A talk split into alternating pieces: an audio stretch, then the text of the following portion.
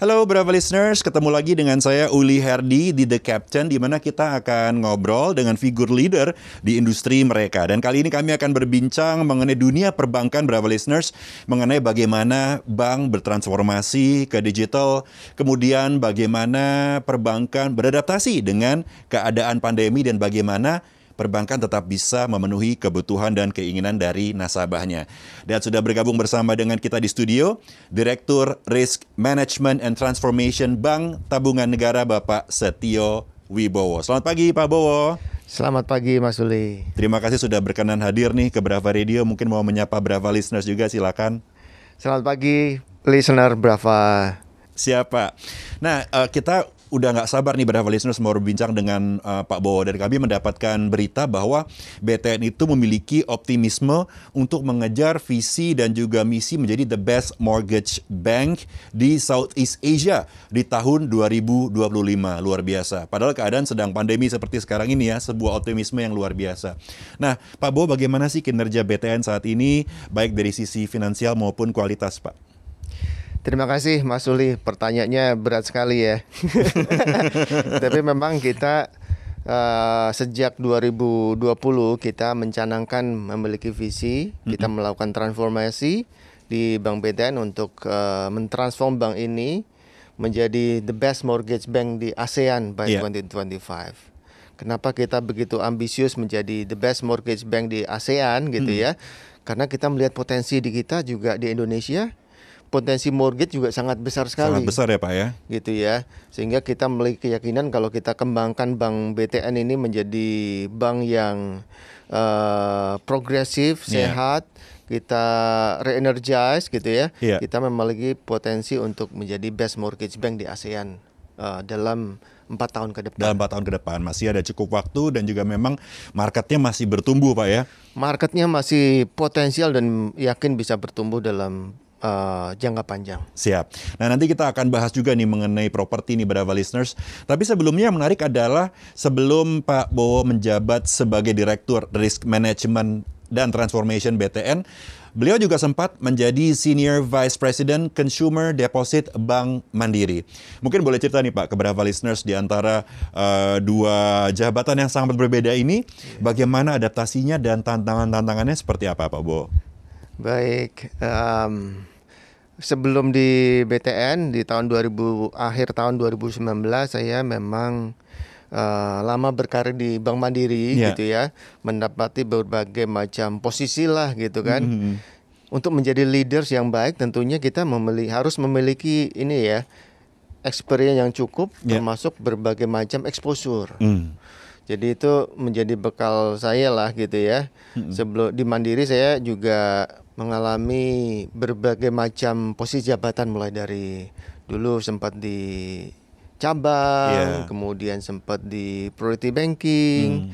sempat di product development dan terakhir kali di Bank Mandiri pun menempati posisi di risk management. Okay. maupun transformasi. Jadi berbagai macam posisi itu justru yang kita membuat kita selalu beradaptasi dengan Siap. berbagai macam uh, exposure ataupun tekanan ataupun challenge yang berbeda-beda. Oke. Okay. Jadi bekal itu yang saya bawa di BTN tentunya BTN memiliki challenge sendiri juga. Iya. Yeah. Gitu kan? Environmentnya berbeda, culture-nya berbeda, mm -hmm. kemudian uh, apa ya native ataupun nature dari banknya pun berbeda juga gitu mm -hmm. ya. Mm -hmm. Visi yang berbeda pula itu yang kita harus menyesuaikan okay. dengan apa namanya ritme culture dari organisasi. Oke, okay. uh, eh, ini dari dua culture yang berbeda, kebiasaannya juga berbeda. Ada tips nggak Pak buat Brava listeners yang mungkin juga pernah mengalami posisi sebagai seorang leader, kemudian berpindah, kadang berpindah department atau bisa juga berpindah uh, perusahaan masih dalam hmm. industri yang sama, tapi culture-nya beda, kebiasaannya beda. Ada tips bagaimana cara kita supaya bisa mudah menyesuaikan diri dengan cepat, Pak Bo? Um, syaratnya memang kita yang menyesuaikan, hmm. gitu kan. Uh, kalau kita mau merubah culture suatu mana ya, institusi, yeah. organisasi, kita yang kita merubahnya secara pelan-pelan, okay. gitu kan. Uh, kalau kita masuk organisasi kan kita ingin melakukan perubahan, tentunya, Betul. gitu kan. Tapi sebelum kita melakukan perubahan yang apa ini namanya drastis gitu Iya. ya, kita saya biasanya adalah menyesuaikan dulu. Hmm. Eh, kita melihat gitu ya organisasi seperti apa, Iya. mengenal dari orang-orangnya seperti apa. Mhm. Kita memiliki personal relationship dengan anggota tim kita dan Iya. seterusnya. Setelah itu kita baru memulai eh, perubahan secara perlahan-lahan gitu Oke. ya. Jadi sehingga organisasi kita bisa adjust, kita rubah sesuai dengan eh, apa yang kita inginkan Mhm. gitu ya sehingga kita dapat engagement dari organisasi dari tim kita termasuk dari teman-teman kerja kita termasuk dari atasan kita juga biasanya Oke, terakhir sebelum kita beralih ke segmen selanjutnya, Pak Bowo, kami dapat informasi bahwa bisa dikatakan Pak Bowo ini adalah seorang uh, passionate banker begitu ya, karena kami dengar sudah 18 tahun di dunia perbankan uh, atau Iya, lebih, iya. 18 tahun lebih ya Pak ya? kalau sekarang berapa tahun ya 20 tahun lah 20 udah. tahun Pak, luar biasa.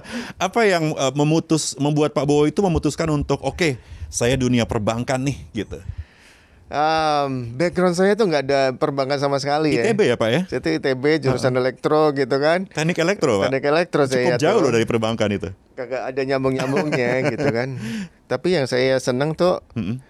saya orangnya memang suka belajar sesuatu yang baru lah Iya. gitu kan Mm-mm. oh udah tahu teknik elektro segala macam Ah, kira-kira belajar sesuatu yang baru apa ya gitu kan uh. Di akhir 2000 tahun 2000 gitu kan. Ah, Indonesia kan lagi krisis ekonomi Iya. salah satunya perbankan dan ah, perbankan lagi konsolidasi waktu itu Tahun 2000 itu baru lulus atau? saya baru lulus lah Heeh. Gitu kan Mm-mm. Uh, krisis ekonomi berat kan Indonesia waktu itu gitu ya sehingga uh, ada opportunities di banking industry Mm-mm. perbankan gitu kan nah mungkin oh oke juga nih belajar mengenai banking industri gitu kan Iya. yang kita nggak pernah tahu sama sekali orang engineer gak, ngerti lah mengenai bank gitu kan Iya, bolehlah kita coba gitu Keterusan Pak ya. keterusan sampai sekarang Sampai dengan sekarang. Ini menarik ya. Eh, sama sih Pak. Saya tahun 2000 itu juga sebetulnya sekolahnya IT, tapi di tahun 2000 itu saya mulai berkarir di radio waktu itu. Keterusan juga sampai dengan sekarang, Sampai sekarang, 21 ya. tahun kemudian. Baik, kita lanjut lagi ngobrol-ngobrolnya hari ini. Pak Bowo pernah mengatakan bahwa eh, bisnis properti itu menjadi sektor industri yang sangat strategis Pak ya untuk mendongkrak kinerja ekonomi nasional terutama di masa pandemi ini. Eh, apa yang menyebabkan Pak Bowo memiliki pandangan seperti itu, Pak? Ya, jadi begini Mas Uli. Eh, dalam situasi pandemi kemarin gitu ya, sektor properti termasuk sektor yang defensif. Iya. Di tahun eh, 2020 hampir semua sektor waktu itu mengalami negative growth Betul. gitu kan. Hampir semua. Indonesia waktu itu ham- eh, kontraksi ekonominya minus 5% kan Hmm. gitu kan. Tapi ada beberapa sektor yang masih positif. Mm-mm. Salah satu dari sedikit sektor itu adalah tentunya properti, Properti, Pak ya? gitu ya. Oke. Jadi itu yang eh, kita meyakini bahwa sektor properti itu sektor yang defensif, Mhm. sektor yang resilience, Iya. yang tetap akan tumbuh dalam masa-masa sulit. Iya. Nah, itu salah satunya yang kita meyakini properti itu strategis. Di Mhm. sisi lain, eh, sektor properti memiliki multiplier effect yang sangat apa ya, luas untuk sektor lainnya. Hmm. Jadi implikasinya itu kalau sektor properti memiliki multiplier effect ke 172 174 sektor lainnya. Wow. Jadi kalau eh, properti tumbuh ta- eh, nantinya sektor lainnya itu akan tumbuh juga Otomatis, Pak ya? semen gitu Iya. kan. Kemudian nanti juga ada bahan bangunan Bahan dan bangunan. seterusnya. Mm-mm. Kemudian kontraktor atau konstruksi. Iya. Sehingga itu salah satu yang eh, membuat sektor properti strategis. Mm-mm. Ada beberapa hal yang lainnya sektor properti juga satu itu padat modal Padat modal, Pak. gitu kan karena butuh capex yang tinggi untuk satu kepemilikan tanah. Iya. Di samping itu juga padat karya. Mm-mm. Satu rumah sederhana butuh at least lima orang pekerja. Mhm. Kalau satu, satu juta rumah menyerap 5 juta tenaga kerja, Mhm. gitu kan? Jadi itu yang eh, membuat sektor properti ini strategis. Samping itu juga adalah hampir semuanya produk lokal. Mm. Jadi untuk mendorong uh, produksi domestik, nah sektor properti adalah satu penyumbang terbesar dari produk lokal kita. Oke. Okay.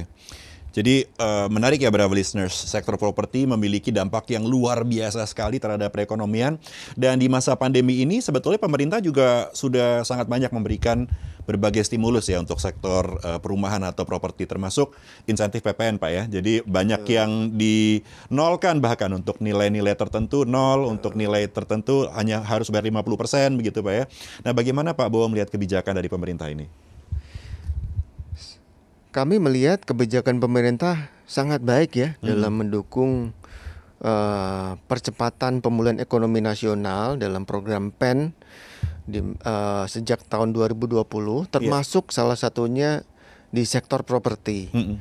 gitu kan ini kebijakan yang sangat baik sekali supaya uh, ekonomi kita lebih cepat bergerak nih yeah. uh, harapan kita kebijakan ini juga akan seterusnya uh, dilakukan sampai benar-benar ekonomi kita pulih. Iya. Yeah. Karena uh, pan dampak pandemi ini kan efeknya cukup panjang ya, hmm. gitu kan.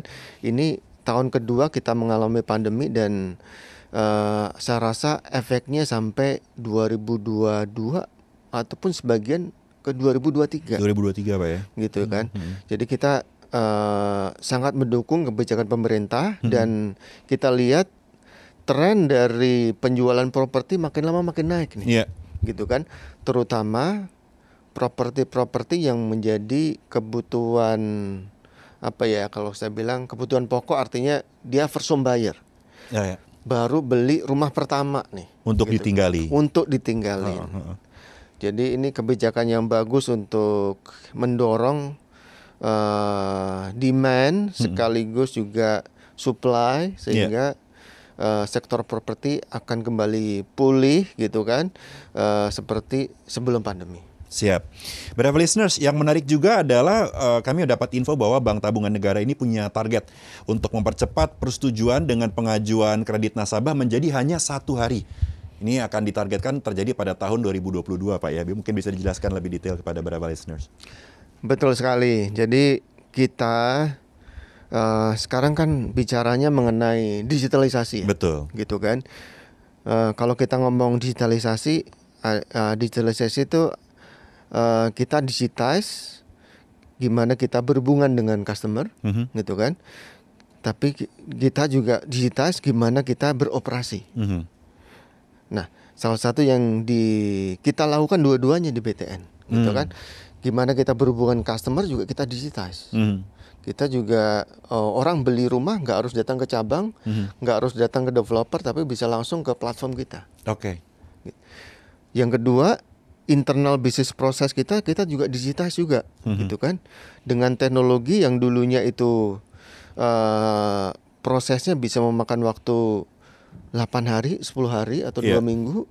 Sekarang ini kita se- udah separuh 50% digitize. Oke. Okay gitu kan. Jadi sekarang kita udah bisa approval kredit mm -hmm. itu dalam waktu tiga hari. Tiga hari pak ya? Tiga hari. Luar biasa. Dengan 50% mm -hmm. digitalisasi. Iya. Yeah.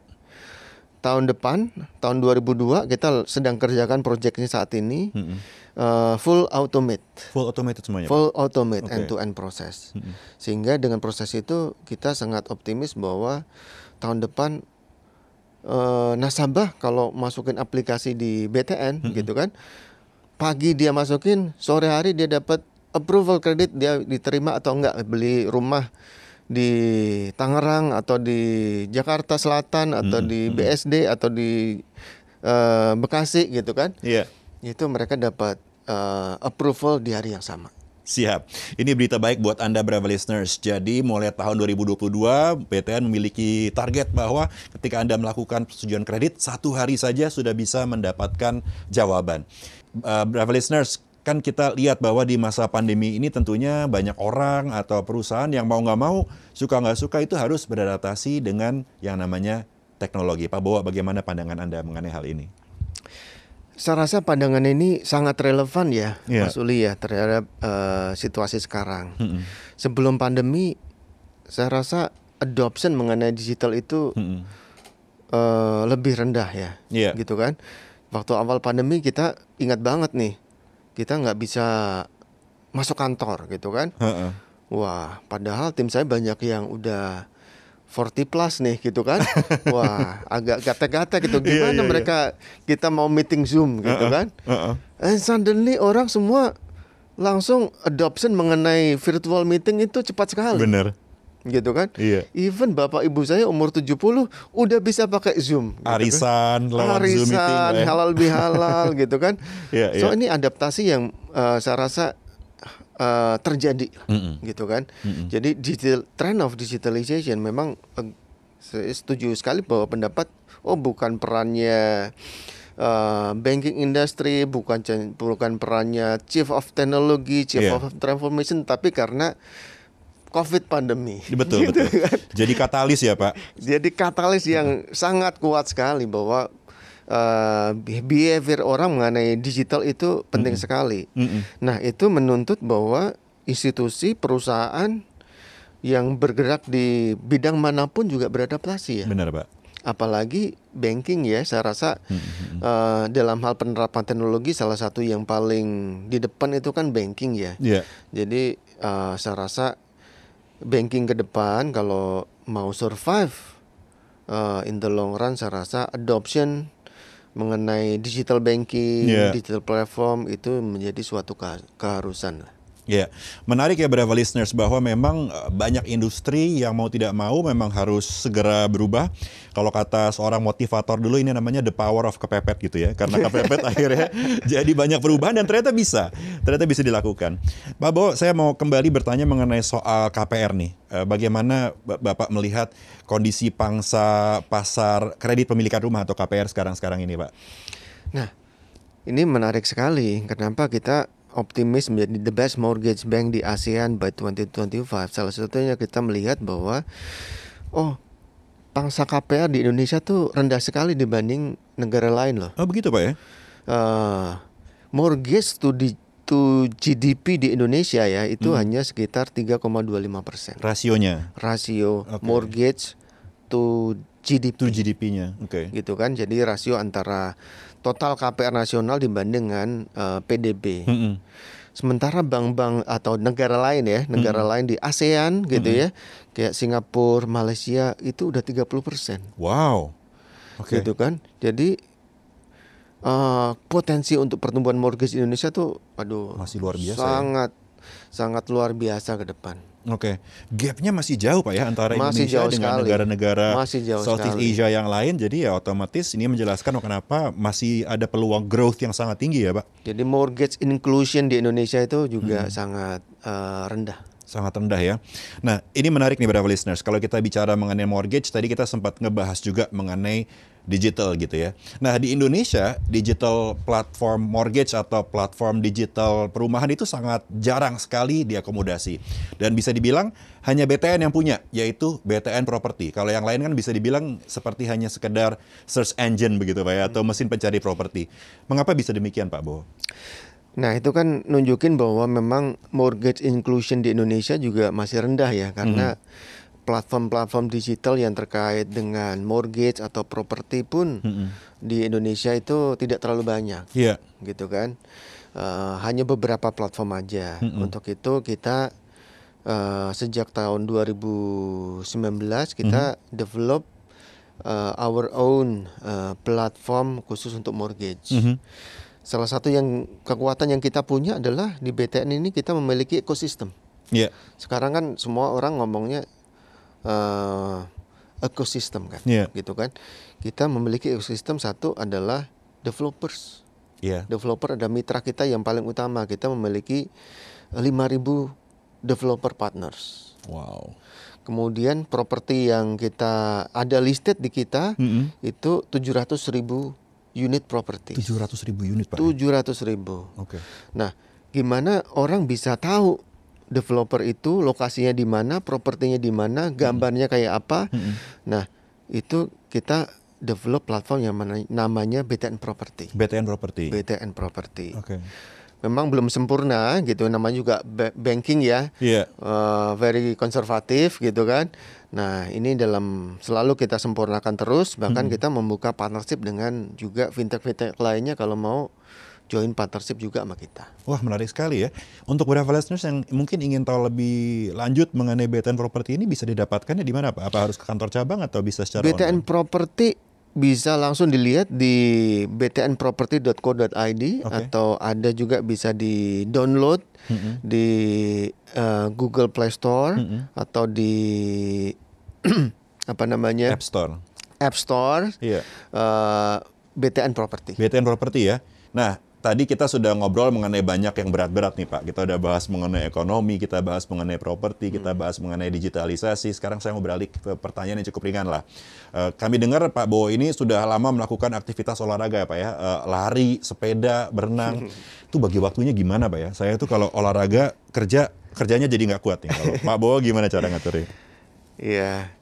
Kalau katanya kan ada istilah work life balance Iya. gitu kan. Mm-mm. Balance antara bekerja, keluarga, diri sendiri dan masyarakat lah atau Iya. community gitu kan. Iya. Nah, olahraga itu bagian gimana kita mengalokasikan waktu buat diri sendiri ya Iya. dan community juga gitu Mm-mm, kan karena kita olahraga juga bersosialisasi. Iya.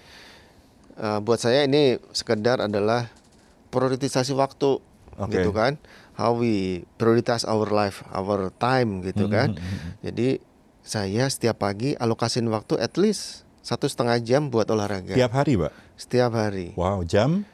jadi aktivitas saya mulai itu setengah lima saya udah bangun Setengah lima udah bangun, Udah bangun. siap. siap-siap segala macam Ha-ha.